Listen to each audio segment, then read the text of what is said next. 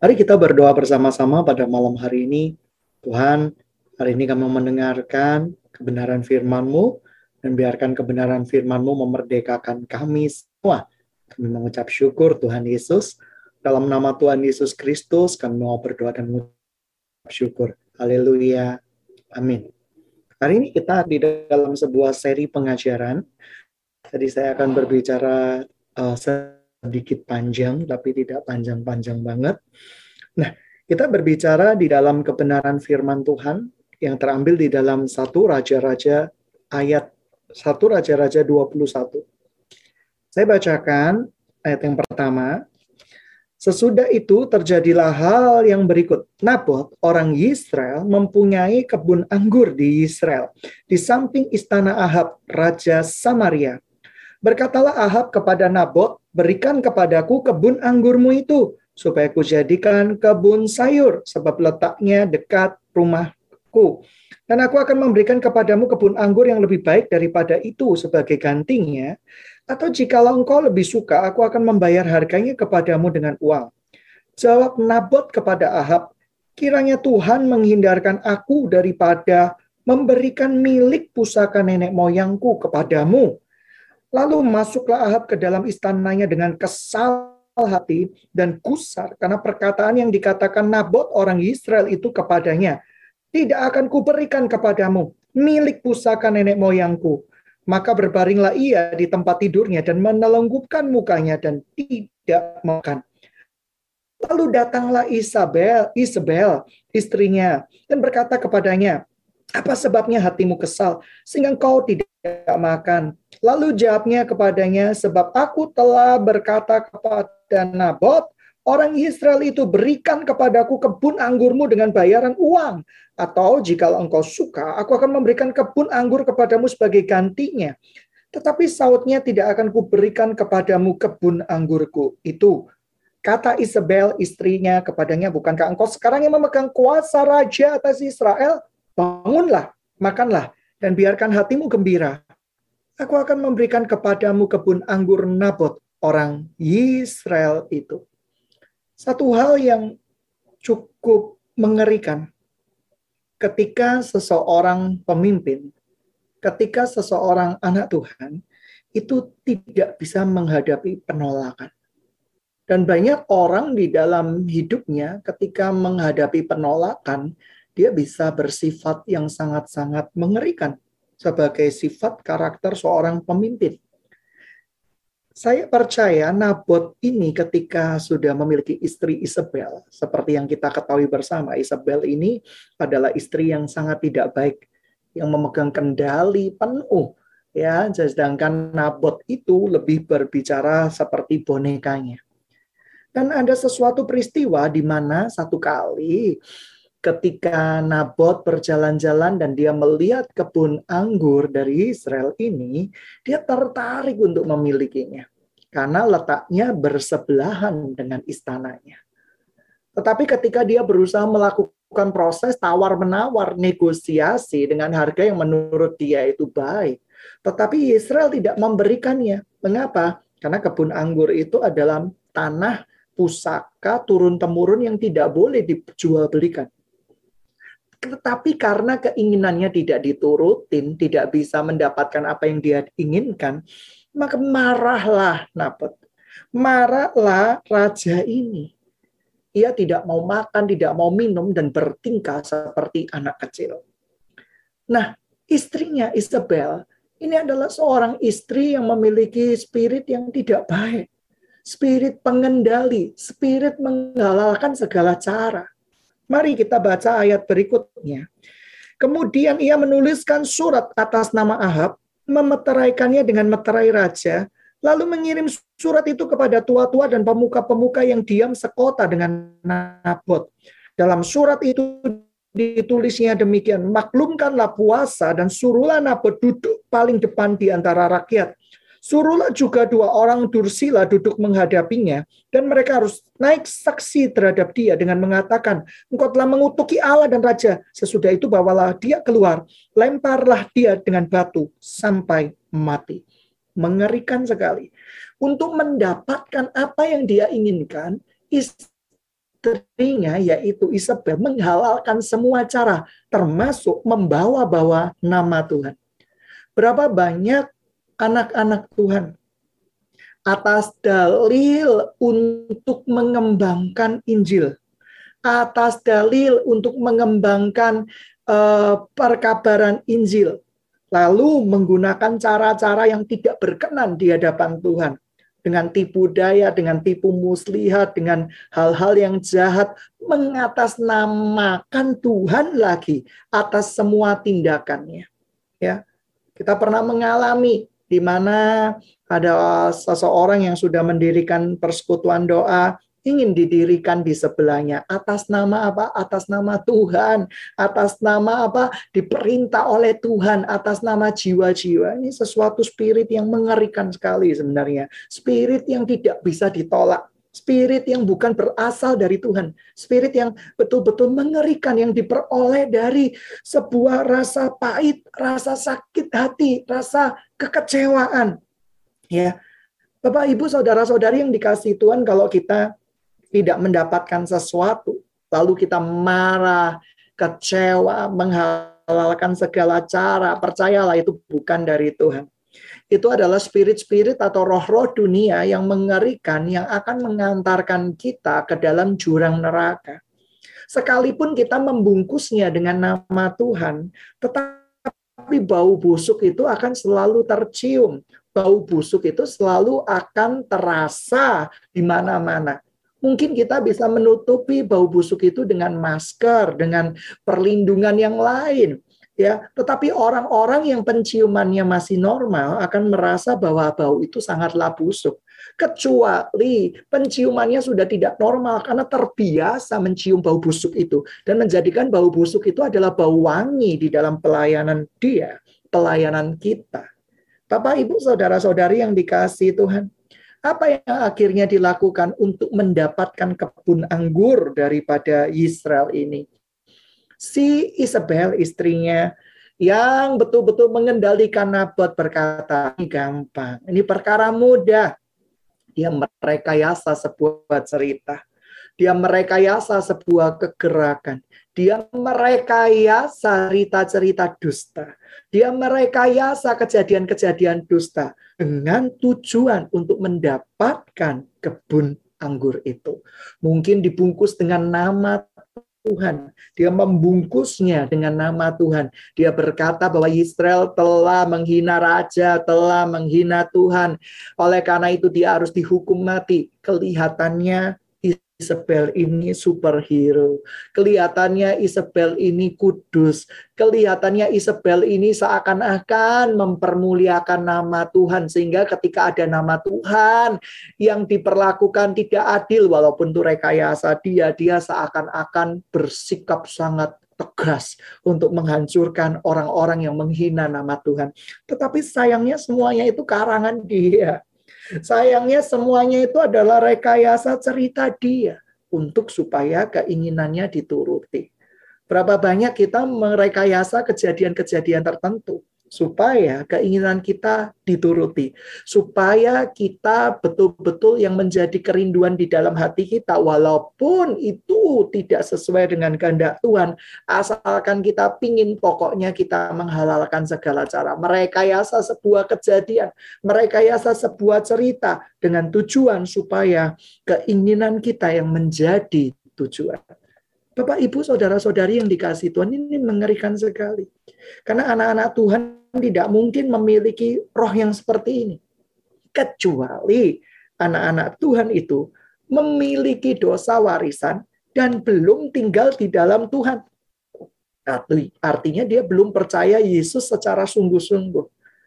Oleh karena itu, saya percaya yang mewarisi sifat-sifat keturunan ini berbahaya sekali anak-anak Tuhan yang mewarisi sifat-sifat keturunan ini kalau tidak ditaklukkan di altar Tuhan Yesus, dia akan bisa menjadi orang-orang yang memiliki roh Isabel.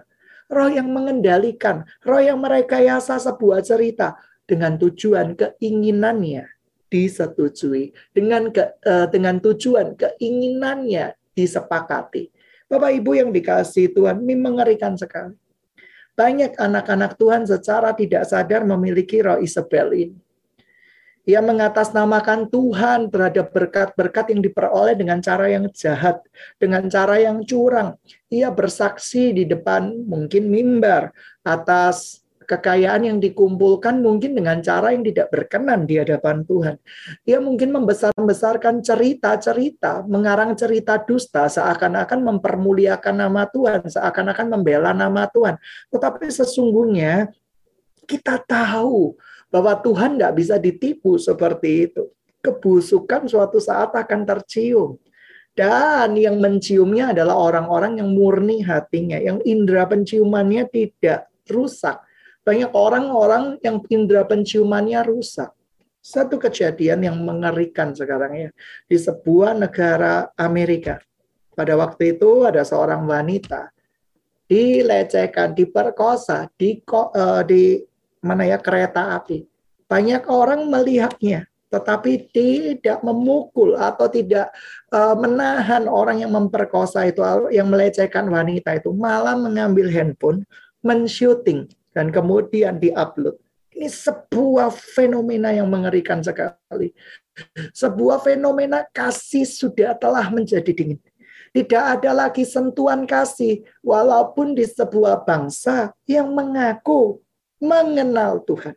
Sebuah bangsa yang meninggikan Tuhan. Di mana di dalam sebuah uh, apa ya slogannya in God we trust di mata uangnya ada sebuah slogan, di dalam Tuhan kami percaya. Tetapi sebuah fenomena mengerikan. Bahkan bukan terjadi di tempat Amerika saja. Tetapi terjadi di tempat kehidupan kita sehari-hari. Ketika ada orang yang membutuhkan pertolongan, membutuhkan kita berdiam diri, kita tidak mau melihat, malah sibuk dengan handphone, upload, dan menggunakan alat sosial media itu untuk diviralkan. Akhirnya apa? Poinnya nggak dapat. Firman Tuhan berkata kalau kita menemukan orang yang sedang perlu pertolongan, kita betul-betul harus menolongnya. Kita tidak boleh mempertontonkan kebaikan kita. Kebaikan yang dipertontonkan itu bukan kebaikan. Sumbangan yang diperlihatkan itu bukan sumbangan. Ya, sekali lagi sumbangan yang dipertontonkan bagi saya pribadi, opini saya ini bukan sumbangan. Kebaikan yang dipertontonkan ya bukan kebaikan itu sendiri. Nah, tetapi yang saya mau garis bawahi hari ini, mari kita semua hari ini introspeksi. Apakah di dalam hati kita, di dalam pelayanan kita, di dalam ministry kita, kita memiliki roh Isabel yang menghalalkan segala cara untuk mendapatkan apa yang diinginkan. Ketika yang diinginkan itu tidak terjadi, kita mulai marah, mulai kecewa, dan merekayasa sebuah cerita, merekayasa sebuah fitnaan, merekayasa sebuah kejadian-kejadian untuk mendapatkan yang diinginkan, untuk memperbesar istana mungkin. Mungkin di dalam pikirannya, kalau istana ini tambah besar, ini menunjukkan Allah kita Allah yang besar. Kalau ministry kita bertambah besar, ini artinya menunjukkan Allah kita adalah Allah yang besar. Kalau pribadi kita, semua keinginan kita dituruti, ini menandakan Yesus menyertai pelayanan kita. Yesus menyertai hidup kita. Tunggu dulu. Tuhan tidak akan menggunakan cara-cara yang tidak berkenan untuk menunjukkan kuasa. Tuhan tidak akan pakai pembohong, penipuannya tidak. Tetapi kalau mereka berkembang itu karena kekuatan mereka sendiri dan lainnya. Tuhan tidak akan pernah bisa dipermainkan satu persatu, akan dipermalukan. Oleh karena itu, kalau hari ini kita tahu bahwa di dalam hati kita masih menyimpan perkara cara seperti ini bersama-sama supaya Tuhan tidak mempermalukan kita, supaya dosa dan pelanggaran kita ditutupi oleh kasih setu Bapak Ibu, saudara-saudari yang dikasih Tuhan. Hidup Tuhan itu indah kok. Ikut-ikut Tuhan itu adalah percaya penuh di dalam kendali Tuhan. Jika engkau terpanggil di dalam sebuah ministry, engkau pasti akan diberikan kekuatan untuk hankan dirimu di sebuah ministry tersebut. Dan ketika engkau ditempatkan di dalam sebuah ministry, Tuhan punya rencana yang hebat dan dahsyat di dalam hidupmu. Iblis tidak terima. Iblis akan menggunakan seribu satu cara untuk engkau ikut ambil bagian di dalam pertandingan Tuhan di dalam ministry tersebut. Iblis akan kirimkan badai, iblis akan kirimkan jebakan, iblis akan kirimkan suasana tidak enak. Karena apa? Karena iblis ketakutan Ketika engkau mengambil bagian di dalam sebuah mini dan itu kerinduan Tuhan di dalam hidupmu, maka Tuhan bisa pakai demikian rupa untuk mempermalukan kerajaan. Oleh karena itu iblis begitu ketakutan. Dia akan menggunakan cara-cara ter supaya engkau hancur. Dan dia sangat mengenal engkau. Iblis mengenal engkau ya. Dia tahu kejatuhanmu di mana kalau kejatuhanmu adalah soal tidak bisa ditolak, dia akan menggunakan berbagai cara untuk engkau supaya seakan-akan ditolak. Yang kedua, mungkin eh, kehidupanmu apa yang engkau nggak bisa kalau sepi hidupmu. Oleh karena itu iblis akan kirimkan kesepian untuk menguji, ya, untuk membuat engkau jatuh, membuat engkau meninggalkan ministry, meninggalkan pelayanan. Iblis akan berbisik bahwa oh, pelayanan di mana saja sama saja, yang penting nama Tuhan dipermuliakan. Iblis akan berkata bahwa oh pelayanan di mana-mana nggak apa-apa, pelayanan di mana-mana nggak apa-apa. Tetapi pelayanan yang satu kehendak Tuhan akan membuat engkau dipakai maksimal di ladang, membuat hidupmu itu berbunga dan berbuah lebat pada waktunya. Bapak Ibu yang dikasih Tuhan, oleh karena itu kita belajar untuk mengerti tipu daya iblis. Iblis itu sangat jahat. Dia bisa pakai kata-kata seorang pengkhotbah yang tadinya untuk menguatkan, tapi dipakai untuk menghancurkan. Respon hati yang salah, panah-panah yang salah, menunjukkan hasil yang berbeda. Tetapi kalau hati yang bersih, hati yang benar, dengan firman yang sama akan berbuah pada musimnya. Tapi banyak orang yang ketika ditanami benih kebenaran firman Tuhan, iblis membuat tanah hatinya berbatu-batu. Sehingga akan sangat sukar sekali. Aku dituduh, aku difitnah, aku diperlakukan tidak adil, aku mungkin Anda berkata aku dihakimi. Padahal sesungguhnya kebenaran adalah kebenaran. Kebenaran yang tadinya harusnya memperdekakan kita, tetapi dengan respon yang salah akan menjadi belenggu buat kita. Bapak, Ibu, saudara-saudari yang dikasih Tuhan, kebun anggur Nabot. Luar biasa sekali. Kebun anggur Nabot ini letaknya persis di sebelah istana Ahab. Yang ingin di mana Ahab sangat ingin dengan kebun anggur itu tetapi apa yang terjadi keinginannya tidak tercapai. Istrinya yang dari awal sudah mengendalikan hidupnya, dia ingin menyenangkan sang raja. Dia menggunakan tipu daya, dia menggunakan stempel palsu atas nama Ahab. Sekalipun ini perbuatan yang dilakukan istrinya, Ahab bertanggung jawab penuh dengan apa yang dilakukan oleh istrinya. Karena dia kepala keluarga. Karena dia betul-betul seharusnya bisa bersikap lebih bijaksana di dalam merespon menghadapi penolakan. Hati-hati, jangan sampai kita punya roh Isabel. Jangan sampai seperti Ahab. Ketika engkau ditolak, yang kelihatannya baik, kelihatannya engkau cara-caramu baik ya. Jadi kamu ingin membeli gitu ya, membeli lahan, membeli uh, kebun anggur, toh yang nggak ngerampok, toh yang nggak mencuri tapi Ahab itu uh, tapi Israel itu bilang gini loh ini ini tanah perjanjianku yang sudah diperoleh dari dulu. Nenek moyangku nggak boleh menjual. Kenapa aku harus menjual kepadamu? Enggak aku harus tunduk pada aturan-aturan nenek moyangku. Dan dia menjadi kesal.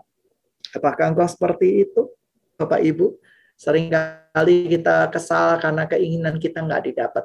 Seringkali ketika doa-doa kita merasa Tuhan tidak menjawab kita kesal kita uh, beralih ke firman-firman yang lebih menyenangkan kita, kita beralih ke firman-firman yang lebih menguatkan kita seakan-akan. Banyak orang yang hidup di dalam pelarian.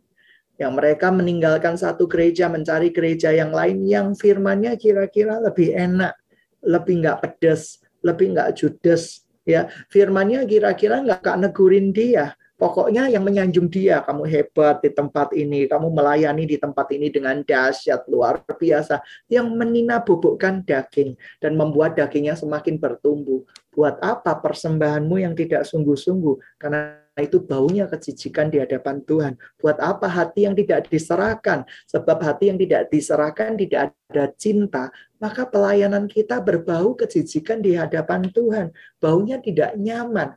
Biarkan pelayanan kita, hidup kita sehari-hari menjadi hidup yang berkenan di hadapan yang benar-benar membuat Tuhan disenangkan oleh semua pelayanan kita. Bapak Ibu yang dikasih Tuhan, saudara-saudari yang dikasih Tuhan, apa akhir daripada kisah ini? Saya bacakan di dalam dua raja-raja. Ya, dua raja-raja sembilan. Yehu menjadi raja Israel. Kemudian Nabi Elisa memanggil salah seorang dari rombongan Nabi dan berkata, ikatlah pinggangmu, bawalah buli-buli berisi minyak ini dan pergilah ke Ramot Gilead ya. Apabila engkau sampai di sana uh, carilah Yehu bin Yosafat bin Nimsi, masuklah ajak dia bangkit dari tengah-tengah temannya dan bawalah dia ke ruang dalam. Kemudian ambillah buli-buli berisi minyak itu lalu tuangkan ke atas kepalanya dan katakan beginilah firman Tuhan, telah kuirapi engkau menjadi raja atas Israel. Sesudah itu bukalah pintu, larilah setelah berlambat-lambat. Ini sebuah sesuatu yang membuat saya tertawa ketika saya membaca ini. Sebenarnya ini pengurapan yang uh, pengurapan dengan cara yang lucu ya. Jadi pada waktu itu dia berkata kepada salah seorang rombongan nabi, kamu kalau pergi cari Yehu, cepet-cepet diurapi, dituangin minyak di kepalanya. Kalau sesudah itu dia langsung berkata, kamu urapi engkau. Lalu dia lari ya lari. Segala itu lalu dia lari. Lalu nabi muda itu pergi ke Ramot Gilead. Dan setelah itu ia uh, ia sampai maka tampaklah panglima oleh tentara sedang berkumpul. Ada pesan yang kubawa untukmu yang panglima. Yehu berkata untuk siapa dari kami sekalian? Jawabnya untukmu ya panglima. Lalu bangkitlah Yehu dan masuklah ke dalam rumah Nabi muda itu menuang minyak ke atas kepala Yehu tanpa izin sebenarnya ya. Serta berkata kepadanya beginilah firman Tuhan. Allah Israel telah kuurapi engkau menjadi raja atas umat Tuhan yaitu orang Israel. Maka engkau akan membunuh keluargamu Tuhanmu Ahab. Dengan demikian aku akan membalaskan Isabel darah hamba-hambaku nabi-nabi itu bahkan darah semua hamba Tuhan. Ini sesuatu yang menarik sekali. Tuhan memilih orang itu dari hati Elisa mewarisi pengurapan yang luar biasa dari Elia. Tuhan akan pakai anak-anak muda. Tuhan akan pakai orang-orang dewasa. Tuhan pakai orang-orang tua yang hatinya benar-benar mau untuk menerima semua mimpi dari Tuhan, semua janji dari Tuhan, yang hatinya bukan hati yang suci, tetapi hati yang rela, hati yang mau dibersihkan, hati yang mau terus-menerus tertuju kepada Kristus Yesus. Sesuatu yang menarik sekali. Dan Tuhan memerintahkan kepada Elisa dan lalu Elisa memerintahkan kepada nabi muda untuk segera mengurapi Yehu. Bapak Ibu, saudara-saudari yang dikasih Tuhan, apakah engkau adalah Yehu-Yehu di masa sekarang? Apakah engkau adalah Elisa-Elisa di masa sekarang yang cepat mendengar suara Tuhan, yang diperoleh dengan hati yang berkobar-kobar, yang melihat ketidakadilan itu dia nggak bisa. Dia betul-betul rindu kemuliaan Tuhan dinyatakan. Dia betul-betul rindu kemuliaan Tuhan itu betul-betul dicurahkan atas bangsanya. Dicurahkan. Dia rindu keadilan Tuhan itu dinyatakan. Tuhan akan pakai anak-anak muda yang seperti itu. Tuhan akan pakai dewasa-dewasa muda. Tuhan akan pakai orang tua yang memiliki hati seperti itu. Yang rela dipakai Tuhan untuk menjadi alat kemuliaan Tuhan. Dan sesuatu yang menarik di dalam dua raja-raja ya. Dua raja-raja. Dibunuhlah ya pada waktu itu. Di dalam dua raja-raja 9 ayat 16. Lalu Yehu naik uh, kereta dan pergi ke Israel sebab orang berbaling sakit di sana juga Asia Raja Yehuda datang menjenguk Yoram. Ketika penjaga yang sedang berdiri di atas menara di Israel melihat pasukan Yehu datang berserulah ada kulihat suatu pasukan. Berkatalah Yoram ambillah seluruh seorang penunggang kuda suruhlah ia menemui mereka serta menanyakan apakah ini kabar damai. Ya. Lalu pergilah penunggang kuda itu untuk menemuinya dan berkata, "Beginilah tanya raja, apakah ini kabar damai?" Jawab Yehu, "Damai, bukan urusanmu. Baliklah, ikutlah aku." Dan penjaga itu memberitahukan suruh, suruh suruhan sam, sudah sampai kepada mereka tetapi ia tidak pulang. Disuruhlah penunggang kuda yang kedua. Setelah sampai kepada mereka uh, beginilah tanya raja, apakah ini kabar damai? Jawab Yehu, damai, bukan urusanmu baliklah, ikutlah aku. Nah, dua kali Yehu berkata, ditanya, ini kabar damai nggak? Ini kabar perang, kamu mau perang atau damai? Tapi Yehu nggak berkata. Tapi Yehu berkata, it's not your business, follow me. Ya, seperti itu. Dan sesuatu yang menarik sekali dan penjaga itu memberitahukan sampai sudah sampai ia kepada mereka, tetapi ia tidak pulang dengan cara mem, uh, memacunya adalah seperti cara Yehu cucu Nimsi memacu, sebab ia memacu seperti orang gila. Sesudah itu berkatalah Yoram pasanglah kereta, lalu mereka memasang keretanya, maka keluarlah Yoram raja Isra, eh, raja Israel dan Ahasia raja Yehuda masing-masing naik keretanya. Mereka keluar menemui Yehu, lalu menjumpai dia di kebun Nabot orang Israel itu sesuatu yang menarik. Pembalasan dendam Tuhan atas kebun anggur Nabot. Di mana ya Yo, uh, Yehu ya membunuh Yoram dengan kedua bahunya. Dan ini sesuatu yang menarik. Di mana Tuhan kita ini Tuhan yang setia, berpegang teguh pada perjanjiannya. Tuhan yang membela umatnya yang diperlakukan tidak adil. Tuhan yang mempertahankan umat. Walaupun akhirnya sekali lagi kebun anggur daripada uh, Israel itu diambil alih oleh Nabot. Tapi Tuhan tidak pernah tinggal diam. Ia menggunakan ya sekali lagi Tuhan menggunakan Yehu untuk membunuh Yoram. Tuhan membunuh, uh, membunuh ya dikatakan di situ. Segera Yoram berpurang dan mau melarikan diri sambil berseru kepada Asia. Itu tipu Asia. Tetapi Yehu menarik busurnya dengan sepenuh kekuatannya. Lalu memanah Yoram di antara kedua bahunya. Sehingga anak panahnya itu menembus jantungnya. Maka rebalah ia di dalam keretanya. Kemudian berkatalah Yehu kepada Bidkar, perwiranya angkat dan lebarkan uh, mayatnya ke kebun Nabot. Orang Israel itu sebab ketahuilah pada waktu aku uh, dan engkau berdampingan menunggang kuda mengikuti Ahab ayahnya, maka Tuhan mengucapkan terhadap dia hukuman mati ini. Sesungguhnya aku telah melihat darah Nabot dan darah anak-anaknya tadi malam. Demikianlah firman Tuhan. Maka aku akan membalaskan kepadamu di kebun ini. Demikian firman Tuhan. Oleh karena itu, sebab itu angkat dan lemparkan mayatnya ke kebun ini sesuai dengan firman Tuhan. Allah kita adalah Allah yang setia. Tuhan kita adalah Tuhan yang tidak pernah melupakan perjanjiannya. Bapak Ibu, jika engkau berpegang teguh kepada kebenaran firman Tuhan, mungkin hari-hari ini kelihatannya musuh berhasil merampok hidupmu Kelihatannya musuh berhasil untuk mencuri damai sejahteramu.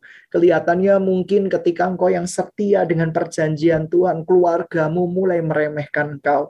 Mulai menasehati dengan nasihat yang pedas yang berkata mungkin kamu telah apa ya tidak setia sama Tuhan. Mungkin engkau telah berbuat jahat. Engkau tidak bisa mendidik anakmu. Engkau tidak bisa mengatur anakmu. Harusnya seperti ini dan seperti itu. Tapi Bapak Ibu yang dikasih Tuhan jikalau engkau betul-betul setia dengan perjanjian Tuhan Tuhanlah yang akan membalaskan buat engkau. Walaupun seakan-akan sekarang hidupmu penuh dengan banyak kehilangan tapi suatu saat Tuhan akan mengembalikan beratus kali lipat ganda tepat pada waktunya. Sebab pembalasan itu adalah milik daripada Tuhan. Bapak Ibu yang dikasih Tuhan, saudara-saudari yang dikasih Tuhan, kisah apa yang kita pelajari daripada Nahab ya Ahab dari Isabel dan Yoram ya. Kisah apa yang kita bisa pelajari di sini?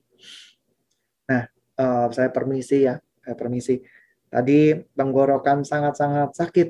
Nah, tapi nanti saya nanti saja saya ngambil minumnya, tapi ini belum saatnya kelihatannya. Ya, jadi Bapak Ibu yang dikasih Tuhan, saya percaya Tuhan kita itu Tuhan yang setia. Tuhan yang tidak pernah melupakan perbuatan tangannya. Kisah apa yang kita dapatkan dalam satu raja-raja dan dua raja-raja ini. Bahwa Tuhan berpegang teguh pada perjanjiannya. Yang kedua, jangan sekali-kali engkau berlaku seperti Isabel dan Ahab karena apa? Karena Tuhan tidak akan tinggal diam.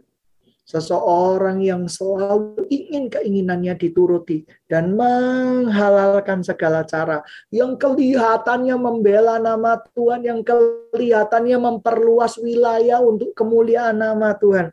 Tuhan tidak akan pernah uh, meninggalkan orang-orang yang hidupnya benar di hadapannya Suatu saat orang-orang yang serakah akan dipermalukan oleh Tuhan. Setelah suatu saat orang-orang yang tidak benar hidupnya akan dipermalukan oleh Tuhan. Kita belajar bersama-sama.